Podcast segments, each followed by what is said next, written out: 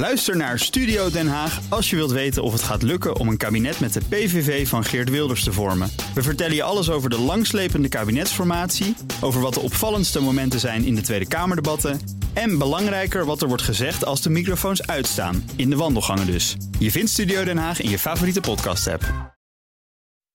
De BNR Techniek Tour wordt mede mogelijk gemaakt door Techniek Nederland. De makers van morgen. BNR Nieuwsradio. De Techniek Tour. Carlijn Meinders. CO2-uitstoot, diervriendelijkheid, de toenemende voedselvraag, duurzaamheid. Als boer moet je tegenwoordig aan heel veel dingen denken.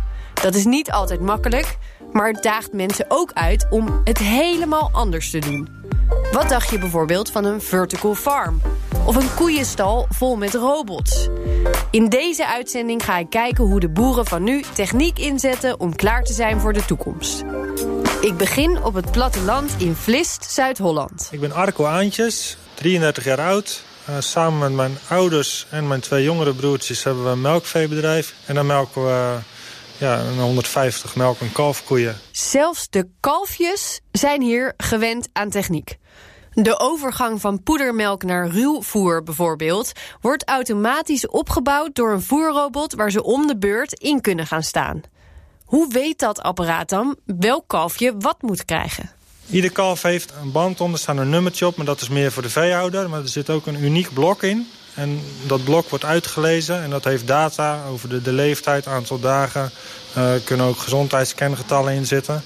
Dus we hebben een unieke zender. En dat geldt denk ik ook voor de oudere dieren? Ja, ja dat zijn wel weer andere blokken. Deze zijn puur voor het, het kalverdrinkautomaat. Maar de melkkoeien, die hebben weer een ander blok. Er zitten ook weer ja, nog weer meer specifieke sensoren in. Dus vreedmonitoring, uh, activiteit. Een stappenteller. Stappenteller is vergelijkbaar. Dat is weer, ik snap de vraag inderdaad. Maar dat is, in dit geval hebben ze dat met activiteit ondervangen. Uh, maar daarmee kan de melkrobot, de astronaut, uitlezen de gegevens over de koe. We staan nu midden in de stal. Ja, um, hier zie je de melkrobots. Uh, en aan de voorzijde van de melkrobot hebben wij een, uh, ja, een, een klauwbekapbox of een pedicurebox. Net hoe je het precies noemen wil. Een pedicurebox? Ja, en dan kunnen wij een, een, een, been optillen, een poot optillen om bijvoorbeeld te bekappen. Kunnen we een uh, gezondheidsbehandeling doen. Maar het melken zelf, dat gaat hier volledig automatisch, hè? Ja, wij melken hier met uh, drie Lely Astronaut melkrobots. Ja, dat systeem gaat 24-7, dus dat gaat continu door, dag en nacht. Uh, waarbij de koeien ja, vrij in de stal lopen. En zelf kunnen kiezen van ik ga eten, ik ga drinken, ik lig in een box, ik loop. Of ik bied me aan bij de astronaut en ik laat mijn eigen melken. Dat doe, dat, daar kiezen ze dus zelf voor, wanneer ze dat willen en hoe vaak? Ja, daar kiezen ze helemaal zelf voor. Het enige wat wij doen is twee keer per dag ja, monitoren, checken. Of, of dat ze die keuze ook wel goed gemaakt hebben. Waarom gaat een koe naar zo'n melkmachine? Is dat omdat hij gewoon er vanaf wil? Nou, de kunst is om het allemaal zo, zo goed mogelijk te laten verlopen. Dus gezonde dieren, gezonde dieren lopen vanuit nature dan ook beter. Uh, maar daarbij worden ze ook gestimuleerd met een brok in de melkrobot. Ja, dat helpt. Ja, dat helpt zeker. Dus ze krijgen een, een krachtvoeder op het moment dat ze in de robot komen. Maar daarbij kan het ook zo zijn dat een koe in de robot stapt... en bijvoorbeeld twee uur geleden nog gemolken is. Dus dan hebben ze nog geen permissie voor de volgende melking.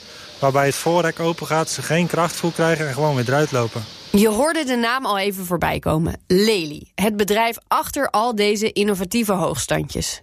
Geert Kuipers is er productmanager en hij is trots op wat ze allemaal hebben ontwikkeld om het de boer makkelijker en de dieren prettiger te maken. De nieuwste innovatie hier op, uh, op het bedrijf is eigenlijk de nieuwste uh, astronaut. Dus sinds uh, april 2018 hebben we de A5, dus onze vijfde versie van, van het automatisch melksysteem. En daar hebben wij de doorontwikkeling gemaakt met uh, nog meer koecomfort, nog meer sensoren, nog meer gegevens over koeien en nog een beter melkkwaliteit en het melkproces uh, bewaken. Want als we even kijken naar wat er dan allemaal gemeten wordt door die sensoren, wat voor data krijg je allemaal binnen?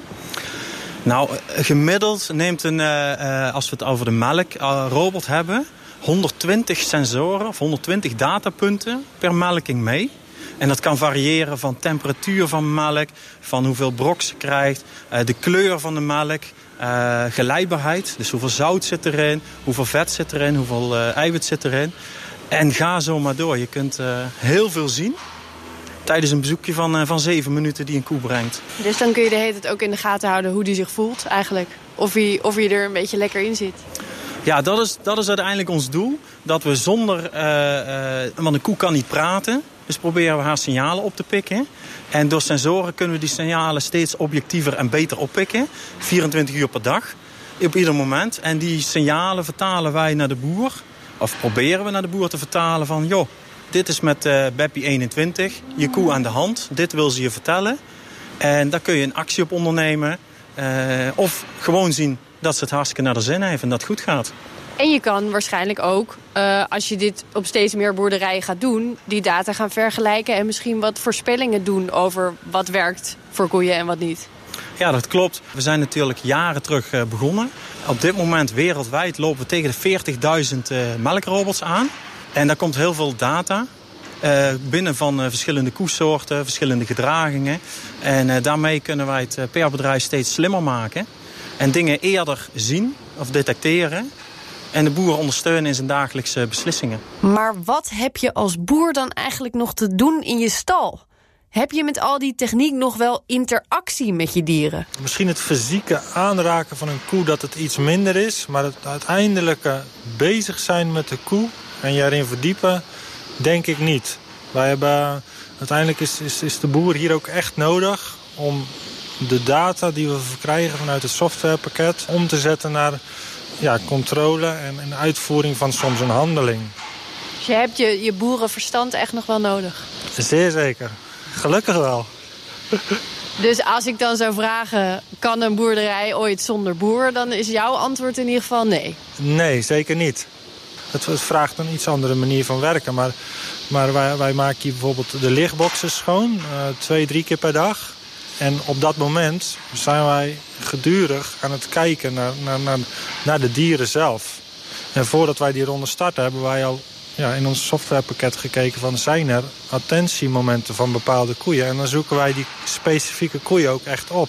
Nou is dit een familiebedrijf en is dit waarschijnlijk heel anders dan hoe jouw vader het ooit deed. Hoe is dat voor hem? Nou, we hebben het geluk dat onze vader altijd open stond wel voor, uh, ja, voor de vernieuwingen en de, de, de, huidige mogelijkheden. Dus dat was voor hem natuurlijk ook het traject van hij was 25, 30 jaar veehouder geweest op een manier. We gingen nieuw bouwen. Dus dan ja, maak je gebruik van de mogelijkheden, de technieken van dat moment. Um, nou ja, daar hebben we op ingezet door de automatisering. De fine-tuning zijn wij verder in dan hem. Maar dat is op een gegeven moment ook een interesse. Maar de, de, de dagelijkse dingen kan hij er zeker mee doen. Ja, hij is gewoon meegegroeid. Hij is meegegroeid, ja. Ik wil die melkrobot natuurlijk wel even van binnen bekijken. En heb ook al een voerrobot door het gangpad zien glijden waar ik meer over wil weten. Maar eerst naar iets wat ook tot de verbeelding spreekt. De Vertical Farm. Om daar alles over te leren reis ik verder naar de Universiteit van Wageningen. De Techniek Tour. Uh, ik ben Leo Marcelis. Ik ben hoogleraar tuinbouw en productfysiologie aan de Universiteit van Wageningen. Waar zijn we op dit moment? We zijn op dit moment in een uh, onderzoeksruimte waar we onderzoek doen naar vertical farming.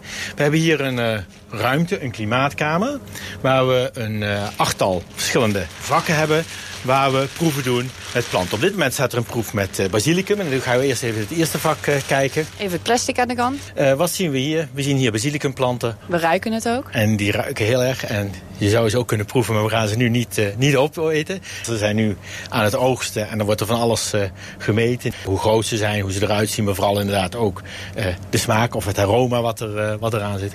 Ja, wat zien we hier? We zien hier lampen. Op dit moment gebruiken we rode en witte leds. Uh, en dan moet ik zeggen, ja, dat hangt net af van welke proef bezig is. Want we kijken hier eigenlijk naar alle kleuren, licht. Van welke kleur is nodig, welke intensiteit, welke moment van de dag. Dat ligt misschien ook aan welke plant er groeit op dat moment. Dat hangt ook af van welke plant er groeit. En daar zoeken we eigenlijk voor de verschillende planten...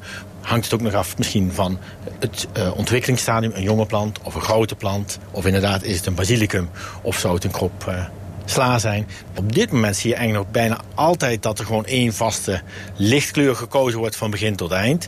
Maar als je naar de fysiologie van de planten kijkt, dan is de lichtbehoefte, of eigenlijk niet alleen licht met hele alle omgevingsfactoren. Die behoefte is anders dan voor een volgroeide plant.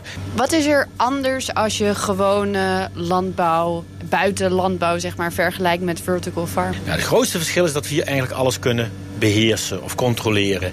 Ja, als we in het veld telen, dan het kan regenen, het kan heel zonnig zijn, het kan droog zijn, het kan waaien. Um, hier kunnen we in feite de temperatuur, het licht, de luchtvochtigheid, water, de mineralen allemaal precies regelen. Dus we weten precies wat we groeien.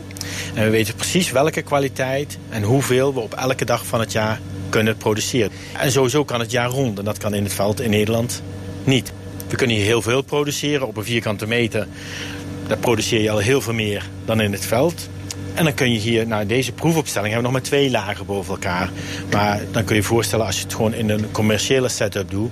Ja, dan kun je heel veel lagen boven elkaar. Dus dan kun je afvragen van ja, hoe belangrijk is dat dan? Maar als je kijkt wereldwijd, uh, dan zijn er gebieden waar alles al eigenlijk bebouwd is. Of we willen eigenlijk ook steeds meer natuur hebben. Dan krijg ik soms wat vragen, is dit dan natuurlijk? Ja, nee, dit is misschien niet natuurlijk. Maar stel je nou voor dat je twintig keer minder uh, landbouwgrond nodig hebt. Dan kun je, komt er ook land vrij wat je weer terug zou kunnen geven aan de natuur. Ja, dan heb je hele mooie natuurgebieden en een paar hele hoge flats ertussen.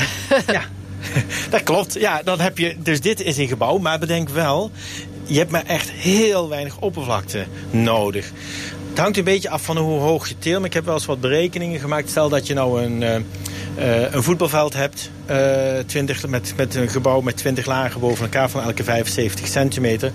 Dan heb je waarschijnlijk aan dat ene voetbalveld genoeg om een stad van 100.000 mensen met groenten te voorzien. Zijn er ook nadelen van deze manier van telen? Ja, alles heeft zo zijn voor- en zijn nadelen. Er zijn eigenlijk twee bottlenecks. De eerste is het energiegebruik, of met name elektriciteitsgebruik. Dus dit systeem heeft nog veel elektriciteit nodig, met name voor de lampen. Dus het is niet zo dat, want, want de gewone lampen zijn natuurlijk inmiddels vervangen door LED... dat, dat het maakt nog niet genoeg verschil dus eigenlijk. Nee, dus die LED's die zijn wel heel efficiënt, maar ze hebben nog steeds elektriciteit nodig. Dus het totale elektriciteitsgebruik is hoog. Maar wij als onderzoeker zijn daar niet tevreden mee. Wij proberen nu volop in te zetten om het hele elektriciteitsgebruik fors terug te dringen. Dus enerzijds is het elektriciteitsgebruik willen we terugdringen... Anderzijds is het nog een duur systeem. Dus dit systeem is nu nog duurder dan in bijvoorbeeld een kastelen. Dus die kostprijs moet omlaag. Nou, als de elektriciteitsgebruik naar beneden gaat, dan gaat de kostprijs ook naar beneden. In zo'n vertical farm is het ook nog eens zo dat je ziektes makkelijker buiten de deur kunt houden. En je kunt natuurlijk ook nog de plant zelf zo kweken dat die beter groeit of lekkerder smaakt. Los van de kosten en het stroomverbruik klinkt het dus best goed. Wat denkt Mercedes zelf? Wordt landbouwgrond straks volledig vervangen door tomatenflats? Technisch gezien zou je elk plant hierin kunnen telen. Of dat gaat worden? Nee, dat gaat het niet worden. Het zal nooit een heel goedkoop systeem blijven. Dus ik zie het vooral voor producten met een, zeg maar een, een hogere waarde zit. Met name voor verse groenten of verse producten. Uh, kan ook, ook fruit kunnen zijn, zeker aardbeien die je relatief dicht bij de consument wil telen, zodat er weinig transportafstanden zijn. Dus ik zie dit vooral voor verse producten en, en dus niet voor de bulkproducten zoals rijst of tarwe, die uh, ja, heel goedkoop is, die, op, uh, heel, die heel makkelijk bewaard kunnen worden, die per schip over grote afstanden. Dat zie ik niet economisch rendabel worden in dit soort systemen. Waarbij het ook zo zal zijn, er wordt in het veld geteeld, er wordt in de kas geteeld, er wordt straks in de verticale landbouw geteeld. Dat zijn systemen die naast elkaar zullen blijven bestaan. Meer iets voor vers groen dus. Vers groen dat je overal kunt laten groeien. Bijvoorbeeld op een industrieterrein in Amsterdam, dacht voormalig traditioneel boer Art van der Kreken. Ook hij weet dat deze verticale manier van telen behoorlijk specifiek is. En dus heeft hij met zijn bedrijf GrowX een duidelijke richting gekozen. Een vertical farm is uiteindelijk vooral geschikt voor het telen van bladgroenten. Dus salades, allerlei salademixen. Wat wij doen is, we hebben ons wel heel erg gespecialiseerd in een daarvan. En dat is eigenlijk de garneringskruiden voor restaurants. Dus echt wat restaurants gebruiken om hun gerechtjes mooi te maken. In een vertical farm kun je wel ook sla produceren, maar dat is gewoon nog te duur op dit moment. Mosterd, wasabi, radijs, je vindt het hier allemaal en ook nog eens in allerlei kleuren, want het oog wil ook wat.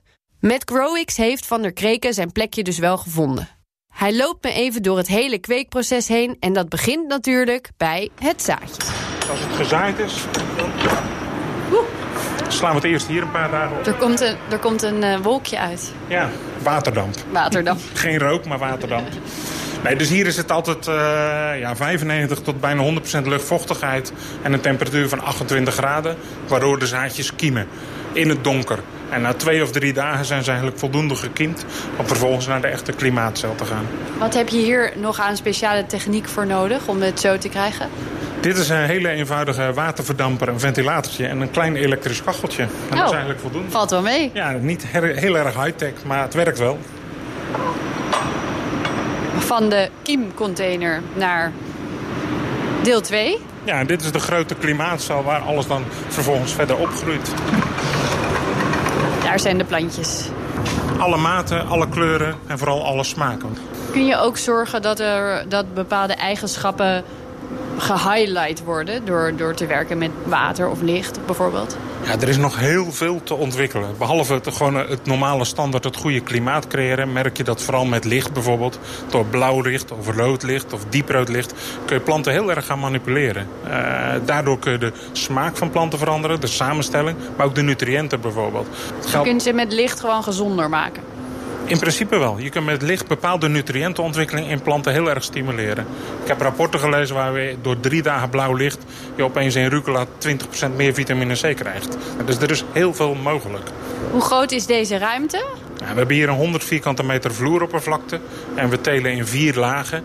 Dus totaal komen we 150 vierkante meter teeltoppervlakte, zoals wij dat noemen. Is dit al zoals je het wil hebben? Nee, wat we hier merken is dat dit is een hele leuke eh, locatie om te starten en om op te starten. We hebben de markt ontwikkeld. We weten nu wat we voor restaurants nodig hebben. We weten welke smaken we willen telen. Maar we zien wel dat er nog veel meer potentie in is. En vooral de manier waarop. Ik heb nu maar één lichtregime. Alle plantjes krijgen van ochtends tot 's avonds een bepaald lichtregime. Ik wil dat graag sturen. Dat een jong plantje wat meer licht krijgt. Een oude plantje wat ander licht. Dat de kleur wat anders is. Dat kunnen we hier nu nog niet. En het klimaat is ook heel constant. We hebben overal hetzelfde klimaat. Wil ik ook per plantje eigenlijk wel kunnen variëren. Alles is hier handwerk. Dus de, de goten waarin we telen zijn van 2 meter lang en 10 centimeter breed. Die moeten we met de hand erin brengen. Maar ook met de hand doorschuiven om ze op de goede plaats te krijgen. Dus dat is best wel heel veel werk. En nu? Ja, moet dat anders. En dan hebben we bedacht dat we een nieuwe cel moeten bouwen.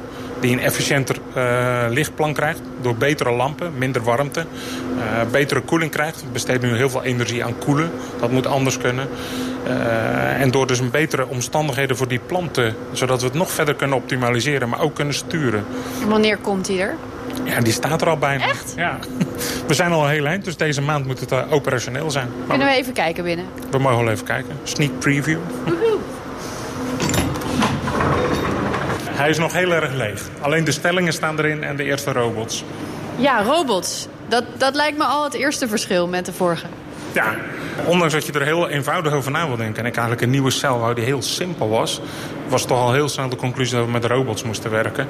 Eh, sowieso voor de dataverzameling en voor de kennis. En om snel te kunnen schakelen. Maar ook gewoon voor de, de arbeid. Om het efficiënter te maken. Wat gaan ze allemaal doen, die robots? De robots gaan in principe de planten in en uit de cel bewegen... en op een bepaalde locatie zetten. Dus het zijn transportrobots. Ja, Daar dus zijn- ze verplaatsen die, die lange, smalle bak waar de plantjes in staan straks. Ja, die schuiven ze in de cel op een bepaalde locatie. En op het moment dat de plantjes groot zijn, weer uit de cel. Maar wat een robot ook kan doen, is dat hij bijvoorbeeld halverwege het teeltproces een aantal keren kan verplaatsen. Wat de robot ook gaat doen, is iedere dag de goot water geven. Dus niet meer alle goten tegelijk, maar individueel per goot per dag een apart waterregime. Wat de robot ook gaat doen, is het licht aansturen. Hij weet waar een bepaalde plant staat en die plant heeft een bepaalde lichtbehoefte. Dan kunnen we dat licht kunnen we gaan schakelen. Ja, dus ja, er zit ook gewoon een camera in straks om dat allemaal te detecteren. Ja, we gaan ook big data verzamelen. Dus we gaan iedere dag foto's maken van alle plantjes. En die gaan we dan met kunstmatige intelligentie... gaan we de computer straks laten leren waar het plantje hoort... en wat het plantje nodig heeft. En of het wel goed gaat met het plantje. Er kan dus al veel en met behulp van robots straks mogelijk nog veel meer. De eerste gesprekken met supermarkten lopen ook al. Dan is er natuurlijk nog de vraag: zijn wij er als consument wel klaar voor? Maakt het jou uit of je plantje uit een natte cel of uit de modder komt? En wil je voor die optimaal gekweekte plantjes ook wat meer betalen? Goed, Van de robots in de vertical farm terug naar de melkrobot op de niet meer zo traditionele boerderij. Ik sta met Geert Kuipers van Lely inmiddels in de machine. Ah. Ik zie, een, ik zie een dame staan. Is hij net klaar of moet hij nog beginnen? Ja, nee, wat je nu ziet is dat uh, een van de koeien is net klaar. Ze loopt, uit, uh, ze loopt uit de melkrobot. Het deurtje gaat weer open en de volgende koe staat al te wachten. Ze loopt naar binnen. Een sensor detecteert, hey, mag ze wel of niet gemolken worden? Het hekje sluit. We zien aan de arm, uh, hey, ze mag gemolken worden. Dus ze krijgt nu haar brokken. En de arm gaat onder de koe. Uh, en met borstels gaat ze nu de vier uh, tepels reinigen. Daarmee wordt ook meteen uh, gestimuleerd. Dan komt er een stofje vrij in de hersenen van de koe. Die ervoor zorgt dat ze over een halve minuut haar melk gaat laten schieten. Oké, okay, dus hij wacht dan even? Ja, hij werkt zijn proces af. Nu ziet de laser, gaat zoeken waar de spenen staan van de koe. Oh, ik zie het. Ja, de rode lampjes hebben Want ze bij gevonden. Ons, bij ons bewegen de koeien kunnen bewegen. Maar de laser zoekt waar ze zitten. Als de laser eenmaal weet waar ze zitten... zal hij de, de beker die iedereen kent van het traditionele melken... die wordt uh, geplaatst aan de speen. Dus je hoort hem nu. De eerste wordt aangesloten. Ja, het vaak... Tweede, derde, ja. vierde. Vierde. En je hoort het geluid op de achtergrond. Wat eigenlijk betekent dat de melk gaat stromen. Nou, en als je hier beneden kijkt, zie je de slangen, vier slangen vanuit de arm naar het melkglas gaan. Oh, ik kan hier op het scherm gelijk zien hoeveel er binnenkomt per slangetje. Ja, we hebben een, een display erbij zitten. En dan zie je per speen hoeveel melk eruit komt, wat we verwachten, of het goed gaat of niet. Is er ook een ideale snelheid waarmee je melkt?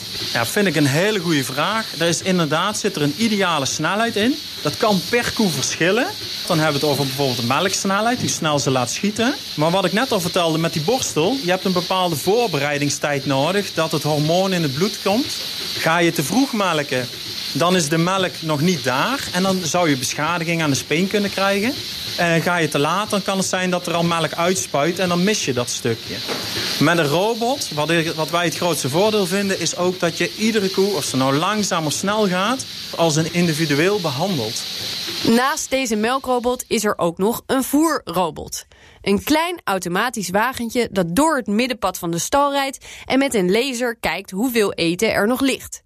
Per groep koeien bepaalt hij hoeveel en wanneer er wat bij moet. Dat eten wordt automatisch gemixt, opgehaald en ook weer gebracht. Nou is dit allemaal prachtig, maar ik kan niet weggaan zonder te vragen naar dat ene veelbesproken onderwerp van de laatste tijd. CO2-uitstoot. Zelf is boer Aantjes niet met de tractor in protest gegaan, maar het leeft zeker ook hier en hij snapt de zorgen. De andere kant is dat we altijd de mogelijkheden gebruikt hebben die er waren om vooruit te denken en te ontwikkelen. In de zin van een emissiereducerende vloer, in de zin van een pasmelding die we destijds gedaan hebben. We doen aan kringlooplandbouw. We zijn er juist heel bewust mee bezig. En dat wordt enerzijds wordt dat vrijwillig opgelegd. Anderzijds is dat ook verwerkt in de wet en regelgeving. Dus, dus kortom, er wordt continu aan gewerkt. En ik denk ook dat, dat we het gewoon heel goed doen met z'n allen. Uh, en daarbij moeten we zeker ook nog blijven kijken naar verbeteringen. En daarmee zijn we aan het einde gekomen van deze uitzending. Volgende week zie ik een paar van onze mooiste musea van een hele andere kant. Want ook daar vind je achter de schermen en onder de vloer meer techniek dan je zou denken. Tot die tijd vind je alle uitzendingen van de Techniek Tour als podcast online en in de app. De BNR Techniek Tour wordt mede mogelijk gemaakt door OTIP. Binnenkort Wijtechniek. Ook Harm Edens vind je in de BNR-app. Je kunt BNR Duurzaam niet alleen live luisteren in de app, maar ook terugluisteren als podcast, zoals al onze podcasts. En naast dat de BNR-app Breaking News meldt, houden we je ook op de hoogte van het laatste zakelijke nieuws. Download nu de gratis BNR-app en blijf scherp.